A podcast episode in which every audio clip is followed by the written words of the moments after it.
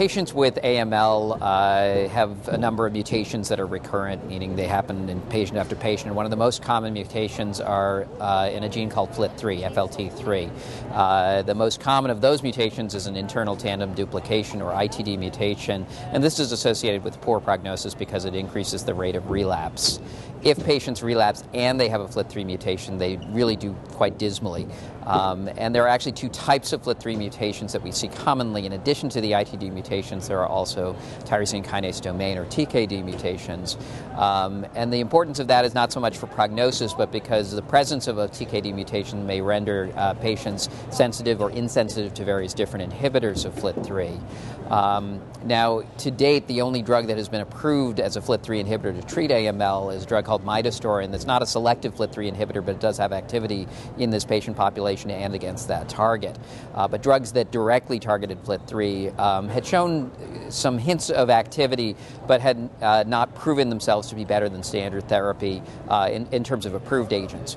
Um, so the rationale behind the uh, Admiral study was to test gilteritinib, which is a potent and selective FLT3 inhibitor, against standard chemotherapy in patients with FLT3 mutations that were detected at either first relapse or amongst primary refractory patients with AML.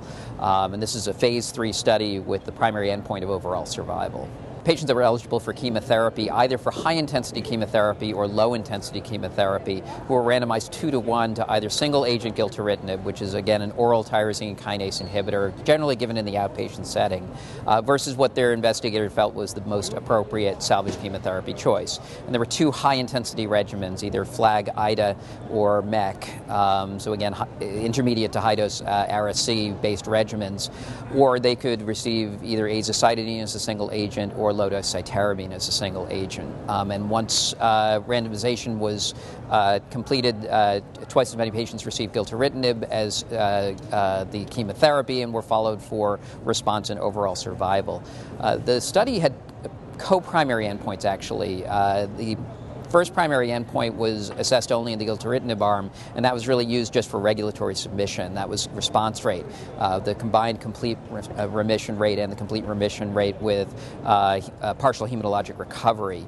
Um, and if that met a pre-specified uh, uh, rate, uh, the, the, study was considered to be positive. However, uh, this was not enough to trigger uh, uh, early conclusion of the study. It was enrolled to completion and followed until a pre-specified number of events, survival events, had occurred, and then analyzed for overall survival. So that actually occurred um, last summer, and the primary analysis was done once 258 survival events had occurred.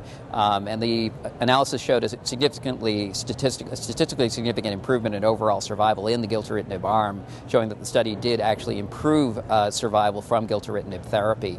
Um, and for this reason, uh, the drug has been uh, submitted uh, and was approved for uh, therapy both in the U.S. and in Japan, and we're waiting to hear on EMA um, for the treatment of patients with relapsed and refractory AML with FLT3 mutation based on improvements in overall survival.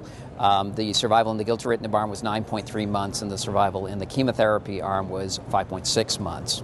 Now, that being said, these are improvements in median survivals. If we look at the number of long-term survivors, um, it's still relatively relatively small. So there's still a lot of room to move in terms of what we can do with a FLT3 inhibitor, and that's why we're very interested in combining gilteritinib with standard chemotherapy, and we're primarily doing that in the upfront setting. I'm presenting some data on that also here at this meeting, uh, combining uh, intensive 7 plus 3 chemotherapy uh, for patients fit for intensive chemotherapy with gilteritinib in the front line using the same dose that uh, we used in the Admiral study.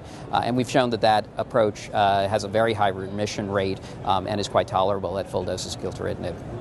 There's two important uh, clinical take home points from this study. The first is that uh, targeted therapy is better than, in, uh, than chemotherapy that's non selective. Um, so we should be looking for FLT3 mutations in patients who have relapsed and refractory disease. And that's important because they can change from diagnosis to relapse. So you can't rely on the fact that the patient had a FLT3 mutation at initial diagnosis. They may have lost it or they may gain it at relapse. And the way we know they might have gained it is uh, FLT3 mutations are associated with rapid proliferation of the leukemia, often patients whose white counts just zip on up very quickly, those patients are enriched for having FLT3 mutations. So we should be testing for these mutations and then treating patients with a drug like gilteritinib because it improves outcomes, um, better response rate and better survival in this setting. So that's the first take home.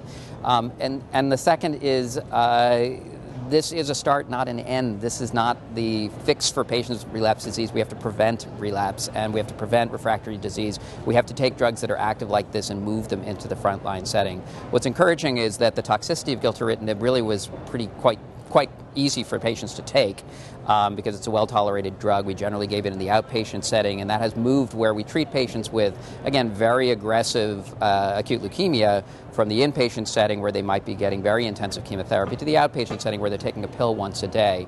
We do see cytopenias from this drug. We do see uh, increases in liver function test abnormalities, transaminases, uh, CK elevations, um, and there are some rare side effects that can show up, whether it's QT prolongation, pancreatitis, um, or PRES, which is a neurologic complication, uh, as well as differentiation syndrome, which can be seen in a few patients. Um, these are things we need to look for, but these aren't common side effects from these drugs where we need to worry that the patients might get into a lot of trouble from this drug. It's generally been an easier therapy for patients, and it's really opened up the avenue to treating patients with much better outcomes with effectively less toxic therapy, which has been really gratifying.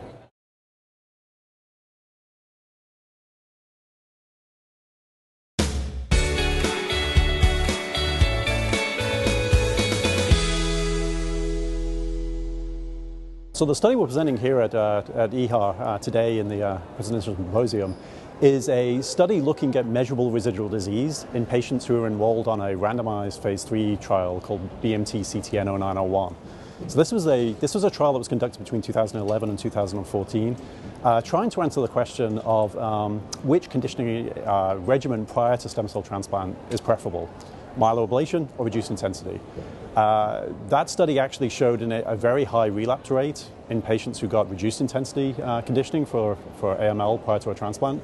And so ours was a lab study looking to see could we find, were there any patients who were particularly at risk uh, from getting a reduced intensity transplant. Um, and we used, we used uh, next generation sequencing to try and look for evidence of residual disease in those patients prior to transplant. The phase three trial was uh, completed in 2014, and uh, fortunately, they had banked samples from patients on that trial. So they had peripheral blood samples stored from immediately before the time of conditioning for transplant.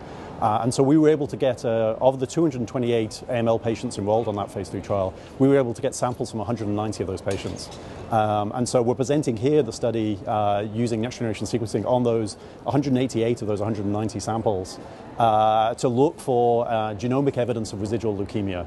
We know that leukemia is a genetic disease, it has uh, heterogeneous mutations, and so we looked at a small panel of 13 genes which are commonly seen in leukemia and saw was there, was there any evidence of those, uh, those variants present at a low level in these patients who are otherwise in remission. The results are very clear and definitive, which is why we're, uh, we're delighted to put in a, a late breaking abstract, and we're very happy that that was selected. Um, so the, the results clearly show that those patients who have uh, detectable residual disease prior to transplant really seem to uh, benefit from having myeloablative conditioning.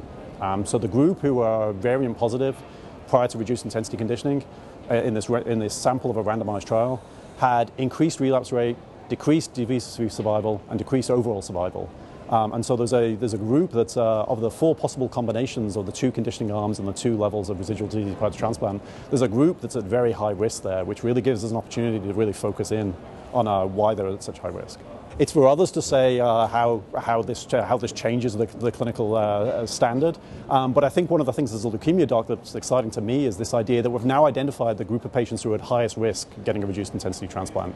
And so I think importantly, those who didn't have variants detected had equal survival whether they got a reduced intensity or a myeloablative transplant. It was only those who had variants detected that seemed to be harmed by getting a reduced intensity transplant. So really now we can really focus in on future trials on, on that group who seems at highest risk and try and do something better for those patients.